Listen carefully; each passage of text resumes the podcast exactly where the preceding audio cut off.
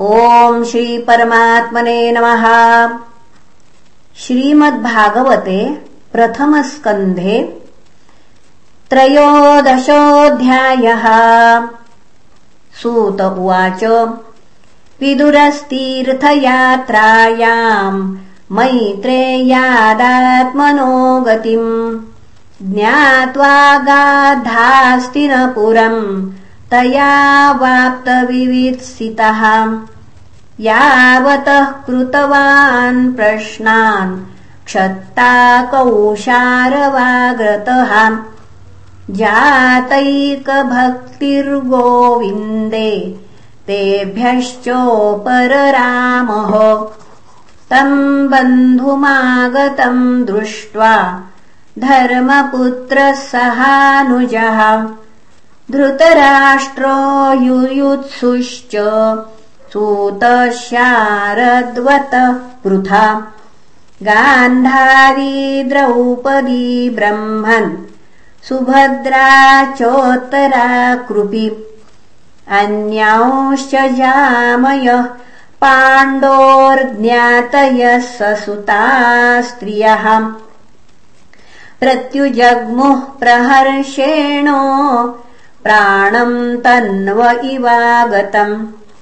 अभिसङ्गम्य विधिवत् परिष्वङ्गाभिवादनैः। मुमुचुः प्रेम बाष्पौघम् विरहौत्कण्ठ्यकातराः। राजा तमर्हयाञ्चक्रे कृतासनपरिग्रहम् तम् भुक्तवन्तम् विश्रान्तमासीनम् सुखमासने प्रश्रयावनतो राजा प्राह तेषाम् च शृण्वताम्। युधिष्ठिर उवाच अपि स्मरथ नो युष्मत्पक्षच्छायासमेधितान् विपद्गणाद्विषाज्ञातेर्मोचिता यत् समातृकाः कया वृत्त्या वर्तितम् वश्चरद्भिक्षितिमण्डलम्।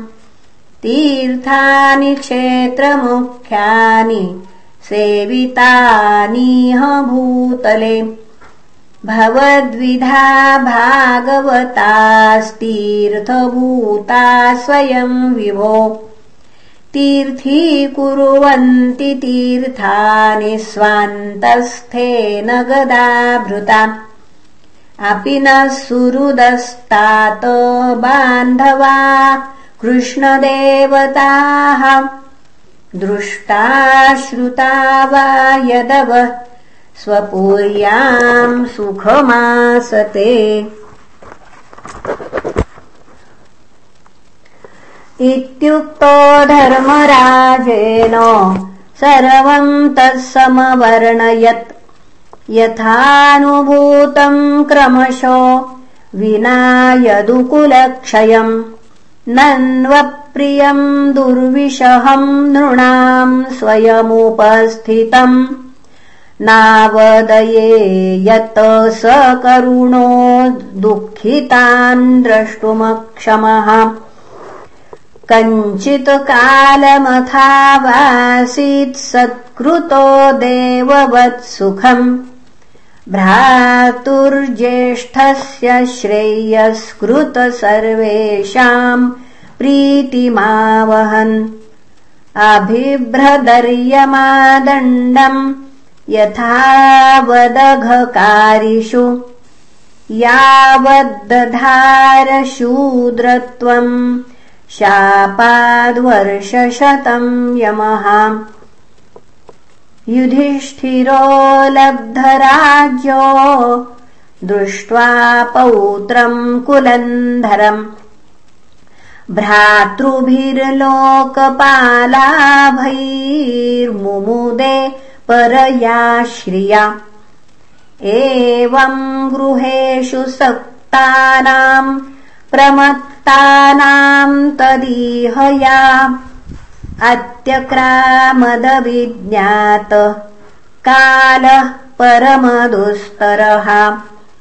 विदुरस्तदभिप्रेत्य धृतराष्ट्रमभाषतो राजन्निर्गम्यताम् शीघ्रम् पश्येदम् भयमागतम् प्रतिक्रियाम् न यस्येह कुतश्चित् कर्हिचित्प्रभो स एव भगवान् कालः सर्वेषाम् न समागतः येन चैवाभिपन्नोऽयम् प्राणै प्रियतमैरपि।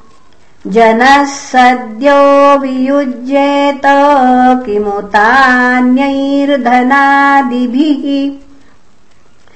पितृभ्रातृसुहृत्पुत्रा हतास्ते विगतम् वयः। आत्मा च जरयाग्रस्तः परगेहमुपाससे अहो महीयसी जन्तोर्जीविताशायया भवान्।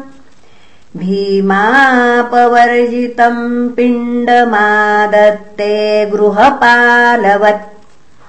अग्निर्निसृष्टो दत्तश्च गरोदाराश्च दूषिताः ऋतम् क्षेत्रम् धनम् येषाम् तद्दत्तैरसुभिः कियत्? तस्यापि तव देहोऽयम् कृपणस्य जिजीभिषोः परैत्यनिच्छतो जीर्णो जरया वाससि इव। गतस्वार्थमिमम् देहम् विरक्तो मुक्तबन्धनः अविज्ञातगतिर्जह्यात् स वै धीर उदाहृतः। यस्वकाव परतो वेह जातनिर्वेद आत्मवान् हृदि कृत्वा हरिम् गेहात् प्रव्रजेत् स नरोत्तमः। अथोदीचिम् दिशम् यातु स्वैरज्ञातगतिर्भवान्। इतोर्वाक्प्रायशः कालः। पुंसाम् गुणविकर्षणः एवम् राजा विदुरेणानुजेन प्रज्ञा चक्षुर्बोधित आजमेढः। चित्वा स्वेषु स्नेहपाशान्द्रढिम्नो निश्चक्राम भ्रातृसन्दर्शिताध्वा पतिम् प्रयान्तम् सुबलस्य पुत्री पतिव्रता चानुजगाम साध्वी हिमालयम् न्यस्तदण्डप्रहर्षम् मनस्विनामिव सत्सम्प्रहारः। अजातशत्रुकृतमैत्रो हुताग्निर्विप्रान्नत्वा तिलगो भूमिरुक्मैः गृहम् प्रविष्टो गुरुवन्दनाय। न चापश्यत पितरौ सौबलिञ्च।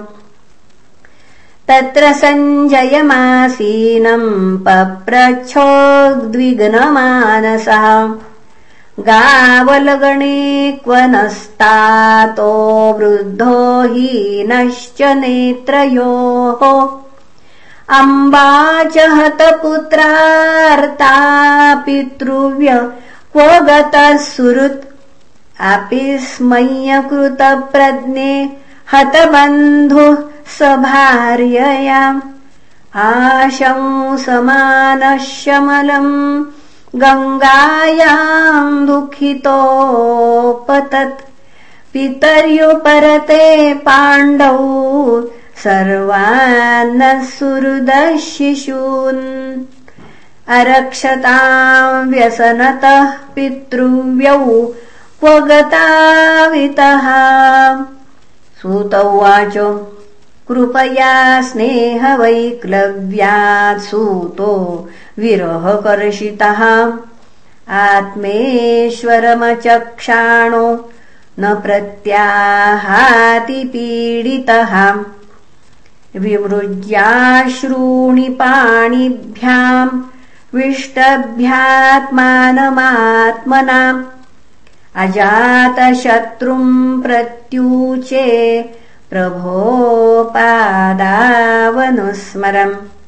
सञ्जय उवाच नाहवेदव्यवसितम् पित्रोर्वः कुलनन्दन गान्धार्या वा महाबाहो मुषितोऽस्मि महात्मभिः। अथा जगाम भगवान्नारद सह तुम्बरुः। प्रत्युत्थायाभिवाद्याहो सानुजोऽभ्यर्चयन्निव। युधिष्ठिर उवाच नाहं वेदगतिम् पित्रोर्भगवन् क्व गतावितः अम्बा वा हतपुत्रार्ता क्व च गता च तपस्विनी। कर्णधार इवापारे भगवान् पारदर्शकः। अथा बभाषे भगवान् नारदो मुनिसत्तमः माम् कञ्चन शुचो राजन् यदीश्वरवशम् जगत् लोकासपालायस्ये मे वहन्ति बलिमीशितुः स संयुनक्तिभूतानि स एव वियुनक्ति च यथा गावो नसि प्रोतास्तन्त्याम् बद्धा स्वदामभिः। वाक्तन्त्याम् नामभिर्बद्धा वहन्ति बलिमीशितुः। यथा क्रीडोपस्कराणाम् संयोगविगमाविहो इच्छया क्रीडितुः स्याताम् तथैवेशेच्छया नृणाम् यन्मन्यसे ध्रुवम् लोकमध्रुवम् वा न चोभयम् सर्वथा न हि शोच्यास्ते स्नेहादन्यत्र मोहजात् तस्माज्जह्यङ्गवैक्लव्यमज्ञानकृतमात्मनः कथम् त्वनाथाः कृपणा? वर्तेरंस् ते च माम् विना। कालकर्मगुणाधीनो देहोऽयम् पाञ्चभौतिकः। कथमन्यांसु गोपायेत सर्पग्रस्तो यथा परम् अहस्तानि सहस्तानाम पदानि चतुष्पदाम् फल्गूनि तत्र महताम् जीवो जीवस्य जीवनम् तदिदम् भगवान् राजन्नेक आत्मात्मनाम् स्वदृक्। अन्तरोऽनन्तरो भाति पश्यतम् माययोरुधा। सोऽयमाद्य महाराज भगवान् भूतभावनः। कालरूपोऽवतीर्णोऽस्यामभावाय सुरद्विषाम्। निष्पादितम् देवकृत्यमवशेषम् प्रतीक्षते तावद्यूयमवेक्षध्वम् भवेद्यावदिहेश्वरः धृतराष्ट्रसह भ्रात्रा गान्धार्या च स्वभार्यया। दक्षिणेन हिमवत ऋषीणामाश्रमम् गतः।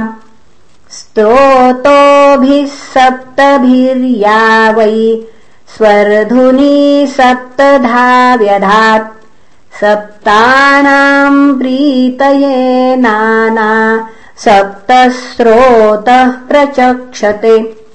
स्नात्वानुसवनम् तस्मिन् हुत्वा चाग्निन्यथाविधि अभक्ष उपशान्तात्मा स आस्ते विगतैषणः जितासनो जितश्वास प्रत्याहृत षडिन्द्रियः। हरिभावनयाध्वस्त रजः सत्त्वतमोमलः विज्ञानात्मनि संयोज्य क्षेत्रज्ञे प्रविलाप्यतम् ब्रह्मण्यात्मानमाधारे घटाम्बरमिवाम्बरे ध्वस्तमाया गुणोदरको निरुद्धकरणाशयः निवर्तिताखिलाहार आस्ते स्थाणुरिवाचलः तस्यान्तराय मैवाभू सन्न्यस्ताखिलकर्मणः। स वा अद्यतनाद्राजन् परतः पञ्चमे हनि। कलेवरम् हास्यति स्वम् तच्च भस्मी भविष्यति। दैहमानेऽग्निभिर्देहे पत्युः पत्नी होटजे बहिः स्थिता पतिम् साध्वी तमग्निमनुवेक्षति।